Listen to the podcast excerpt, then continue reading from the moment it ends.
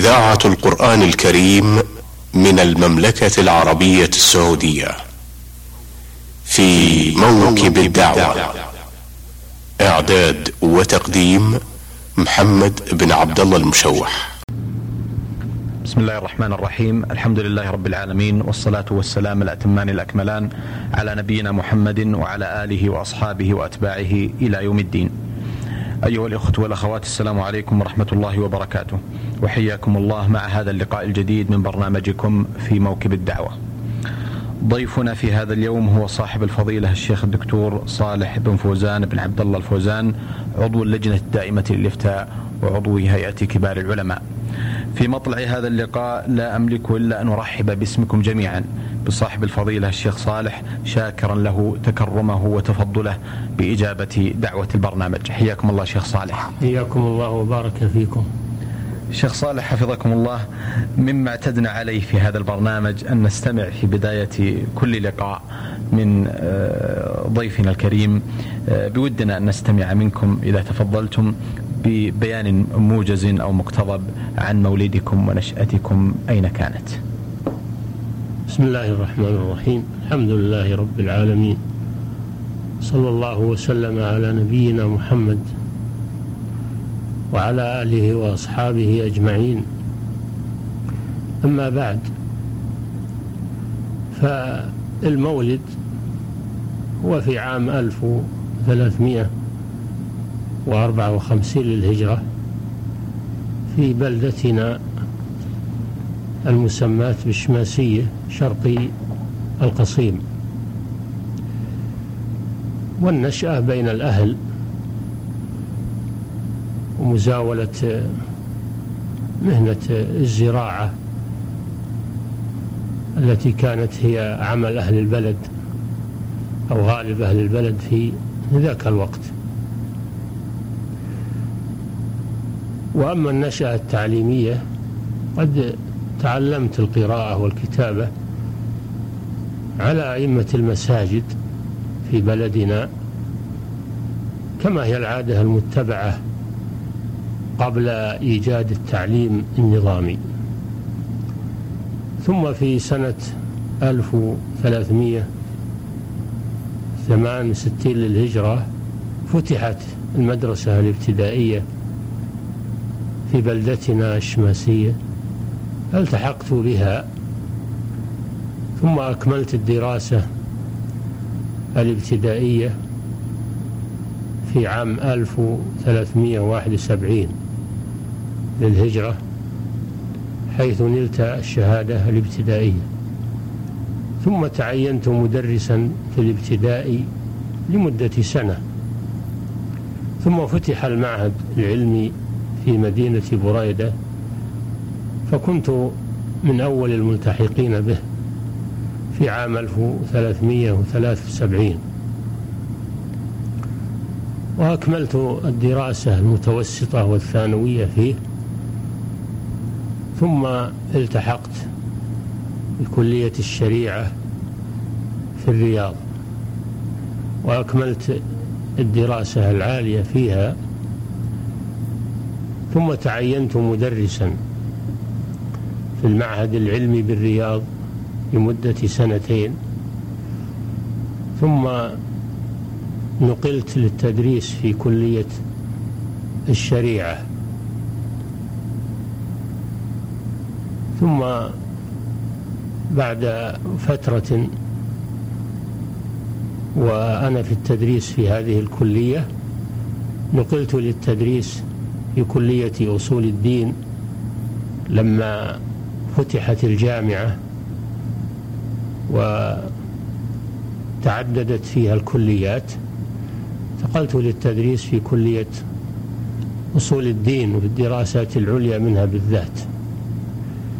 ثم نقلت مديرا للمعهد العالي للقضاء لمدة ست سنوات.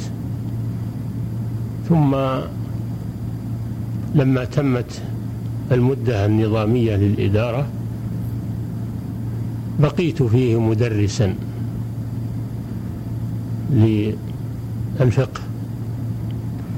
ثم نقلت إلى عضوية اللجنة الدائمة للبحوث العلمية والإفتاء ولا أزال والحمد لله. نعم. أحسنتم يا شيخ صالح تابكم الله. في الحقيقة خلال هذا المشوار المبارك من آه، آه، البدايات في التعليم والتحاقكم بالكلية وتعليمكم فيها آه، شيخ صالح لابد وأن هناك العديد من الشخصيات التي تأثرتم فيها والتي آه، كان لها أثر على حياتكم وعلى توجهكم نحو طلب العلم الشرعي. أو على الأصح نقول هناك العديد من المشايخ الذين أخذتم عنهم وتلقيتم عنهم. هل من الممكن أن نستمع من فضيلتكم إلى بعض أو أبرز هذه الأسماء؟ الحمد لله. أنا تعلمت على مدرسين كثيرين في مراحل التعليم وانتفعت بهم والحمد لله وجزاهم الله عني وعن زملائي خير الجزاء. ولكن من أبرز من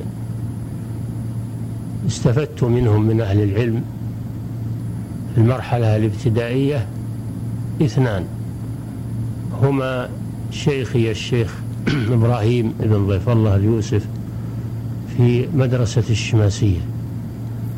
ثم فضيلة الشيخ إبراهيم بن عبد المحسن بن عبيد في بريدة.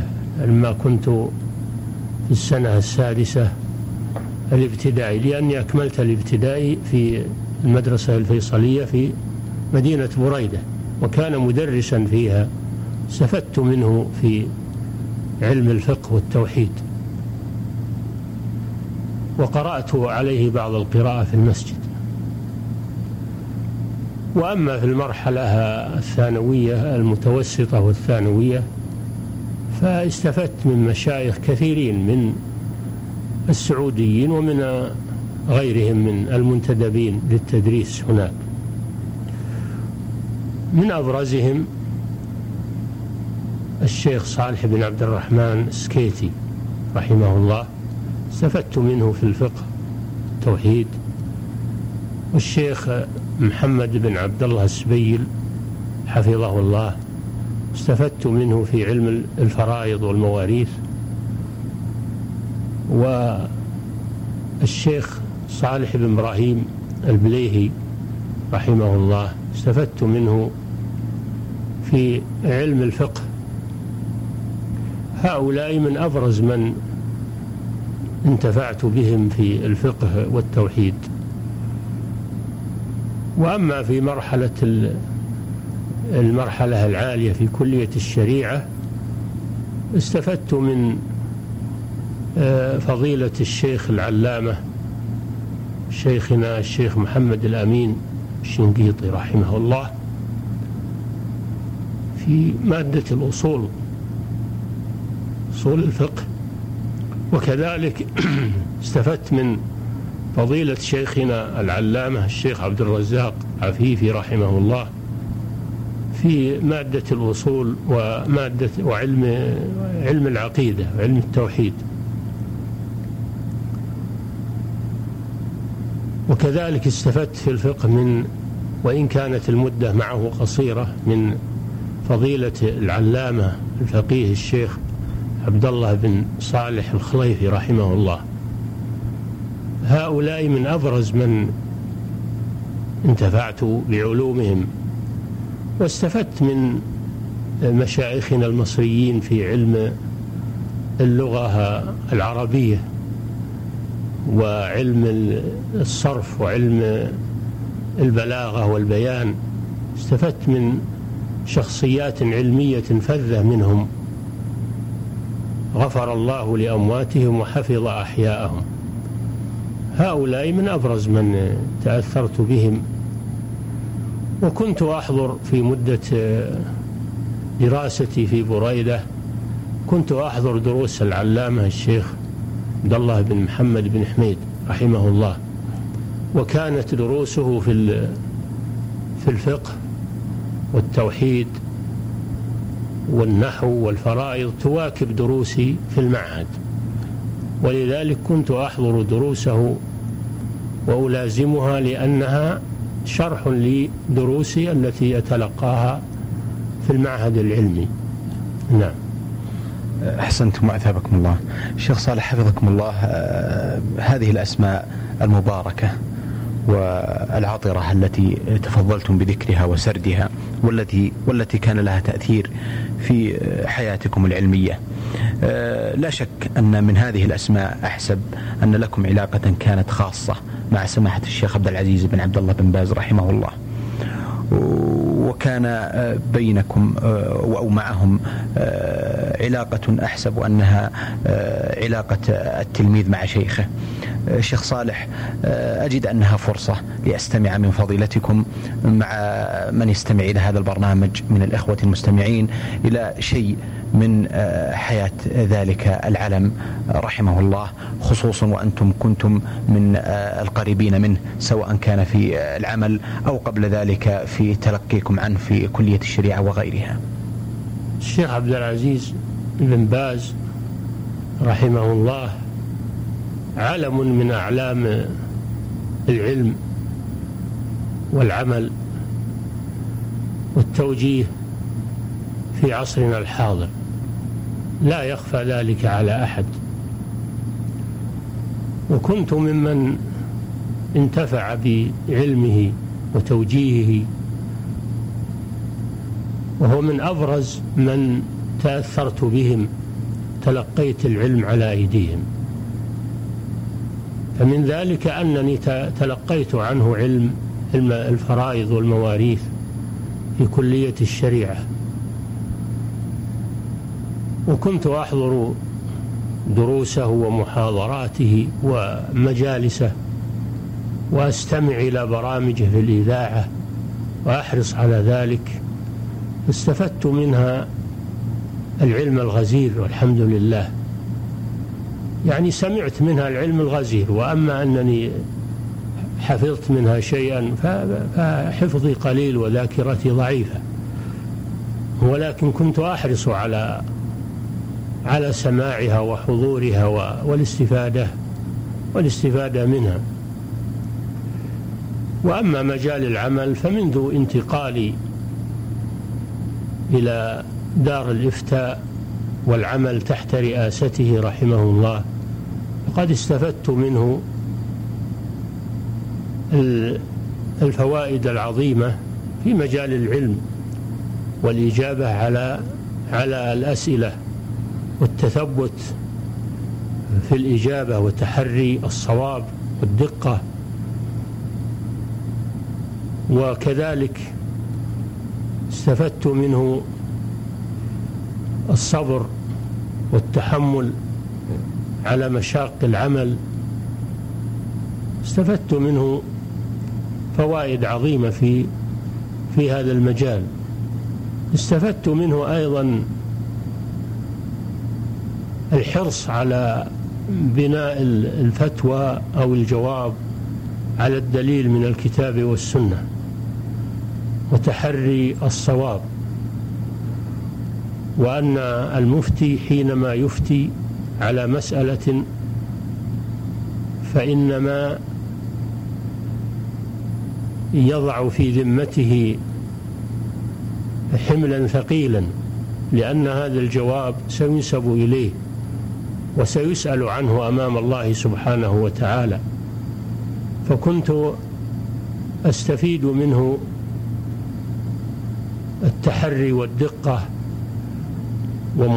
ومراعاة المسؤولية والخوف من الله سبحانه وتعالى عند إصدار الجواب لأن لا يكون فيه تساهلا أن لا يكون فيه تساهل أو إخلال أو تفريط في ربطه بالدليل. كل هذا استفدته من العمل تحت رئاسته رحمه الله. نعم. أثابكم الله شيخ صالح. في الحقيقة بودنا أن ننتقل لجانب آخر وهو أنكم ولله الحمد لكم نشاط مبارك ومشهود في العديد من آه، المؤلفات والكتب والرسائل آه، التي دونتموها وكتبتموها وهي آه، كثير منها منشور ومبثوث ولله الحمد. أجد أنها فرصة شيخ صالح لنستمع منكم إلى أبرز هذه المؤلفات التي كتبتموها ابتداء بأولها تأليفا. أنا ليس لي مؤلفات في الحقيقة وإنما لي بعض الكتابات. التي كتبتها لا بنية التأليف ولكن كتبتها لمناسبة حصلت أو مشاركة في في مؤتمر أو في ندوة أو مشاركة في آه، مجلة أو مشاركة في برامج إذاعية. كتبت هذه الأشياء ثم رأيت أنه من المفيد الاحتفاظ بها وإخراجها في صورة كتاب لا في صورة مؤلف وإنما في صورة كتاب جمعت فيه ما صدر مني أو كتبته في هذه المناسبات. ومن ذلك ما كتبته لنيل درجة علمية ابتداء بدرجة الماجستير. فقد كتبت في رسالة درجة الماجستير في موضوع الفرائض والمواريث. رسالة اسمها آه، المباحث رسالة اسمها المناهج آه، المرضية في المباحث الفرضية. وهي مطبوعة ولله الحمد. ومن ذلك ما كتبته في في رسالة نيل درجة الدكتوراه في الفقه. وهي رسالة الأطعمة ما يحل منها وما يحرم بالأدلة. وهي أيضا مطبوعة ومتداولة. ومن أقدم ما كتبت آه، رسالة في الرد على الشيخ يوسف القرضاوي في كتابه الحلال والحرام. قد كتبت كتابة سميتها الإعلام بنقد كتاب الحلال والحرام. وعرضتها من أولها إلى آخرها على سماحة الشيخ عبد الله بن محمد بن حميد رحمه الله.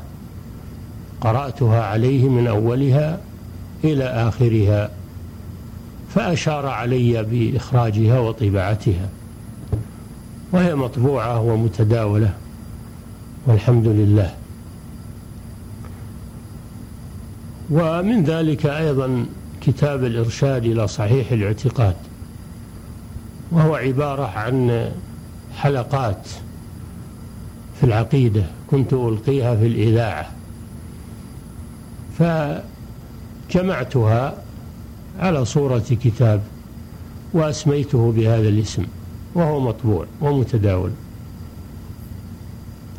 ومن ذلك رسالة كتاب التوحيد وهو عبارة عن كتابة كلفت بها من قبل وزارة المعارف في إعداد كتاب للثانوي في عقيدة التوحيد. فكتبته بموجب هذا التكليف وصار يتداول ويطبع الآن والحمد لله. ومن ذلك حلقات كنت ألقيتها في إذاعة الرياض بعنوان من الفقه الإسلامي. وهي حلقات امتدت من أول كتاب الطهارة إلى آخر كتاب الإقرار على ترتيب المتأخرين من فقهاء الحنابلة. فجمعت هذه الحلقات تحت مسمى الملخص الفقهي وهو مطبوع الآن في مجلدين. والحمد لله. ومن ذلك لما توليت الخطابة في جامع الأمير متعب بن عبد العزيز آل سعود حفظه الله في الملز. كنت ألقي الخطب وأدونها قبل إلقائها في مسودات فلما تجمع لدي عدد كثير من هذه المسودات رأيت وأشار علي بعض الإخوة بتمحيصها وإخراجها في كتاب مطبوع ليمتد النفع به وليساعد إخواني الخطباء فقمت بإخراج هذه الخطب سميتها خطب المنبرية في المناسبات العصرية. وهذا المجموع يتكون من أربع من أربعة مجلدات وهي مطبوعة ومتداولة والحمد لله. هذه من أبرز ما ينسب إلي من كتابات وهناك كتابات متفرقة ومتنوعة تحت مسميات كثيرة لا داعي لذكرها الآن لأن المجال لا يتسع نعم أحسنتم الشيخ صالح ثابكم الله. أه بودي الحقيقة أيضا نتناول جانب قريب من هذا وهو النشاط العلمي الذي تقدمونه في الدروس في المسجد. أه هل من الممكن أن نستمع إلى أبرز هذه الدروس التي تلقونها في المساجد شيخ صالح؟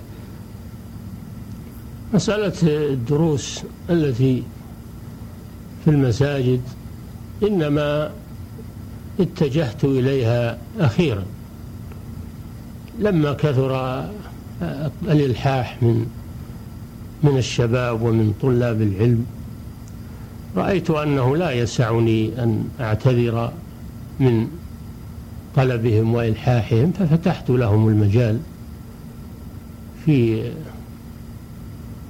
إلقاء ما أستطيعه من الدروس والتوجيه وذلك في المسجد الذي أتولى الإمامة والخطابة فيه الذي سبق ذكره آنفا وفي الطائف في الصيفية أيضا تنتقل دروسي التي ألقيها في الرياض إلى الطائف هناك. وفي الأخير رتب لي درس في المسجد الحرام في الأسبوع مرة تحت مسمى دروس من القرآن الكريم وقد مضى منه آه، سنة أو أو فصل صيفي لا سنة كاملة وإنما فصل صيفي وسنواصل فيه إن شاء الله في المستقبل. نعم. الدروس والعلوم التي تدرسونها يا شيخ صالح؟ الدروس أنا أحرص على دروس العقيدة. أهم شيء دروس العقيدة لأن المسلمين بحاجة إلى معرفة العقيدة وتأصيلها لأنها هي الأساس الذي يبنى عليه جميع أمور الدين. ثم أيضا دروس الفقه. لأن الفقه في الدين من أهم المهمات.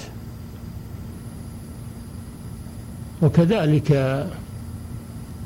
الحديث لي درس في الحديث بلوغ المرام من أدلة الأحكام. لا زلت أواصل التدريس فيه بنية إكماله إن شاء الله. في الرياض وفي الطائف أيضا. نعم. أحسنتم يا شيخ صالح. في الحقيقة بودنا أن نسترسل كثيرا في بعض الجوانب والأسئلة والقضايا التي نحب أن نطرحها على صاحب الفضيلة الشيخ الدكتور صالح بن فوزان بن عبد الله الفوزان. لكنني أرى أن وقت الحلقة آه، لا يسعفنا بالمزيد من ذلك. إلا أنني أعد الإخوة والأخوات أن يكون لنا تواصل مع فضيلة الشيخ صالح في لقاء قادم في مثل هذا اليوم من الأسبوع القادم بإذن الله تعالى. أيها الإخوة والأخوات كنا وإياكم طوال هذه الدقائق الماضية مع الضيف الكريم صاحب الفضيلة الشيخ صالح بن فوزان بن عبد الله الفوزان عضو اللجنة الدائمة للإفتاء وعضو هيئة كبار العلماء والذي تولى مشكورا آه، إجابة دعوة البرنامج.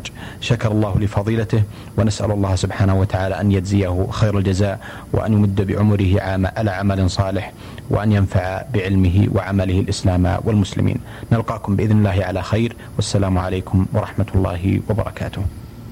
في موكب الدعوة إعداد وتقديم محمد بن عبد الله المشوح.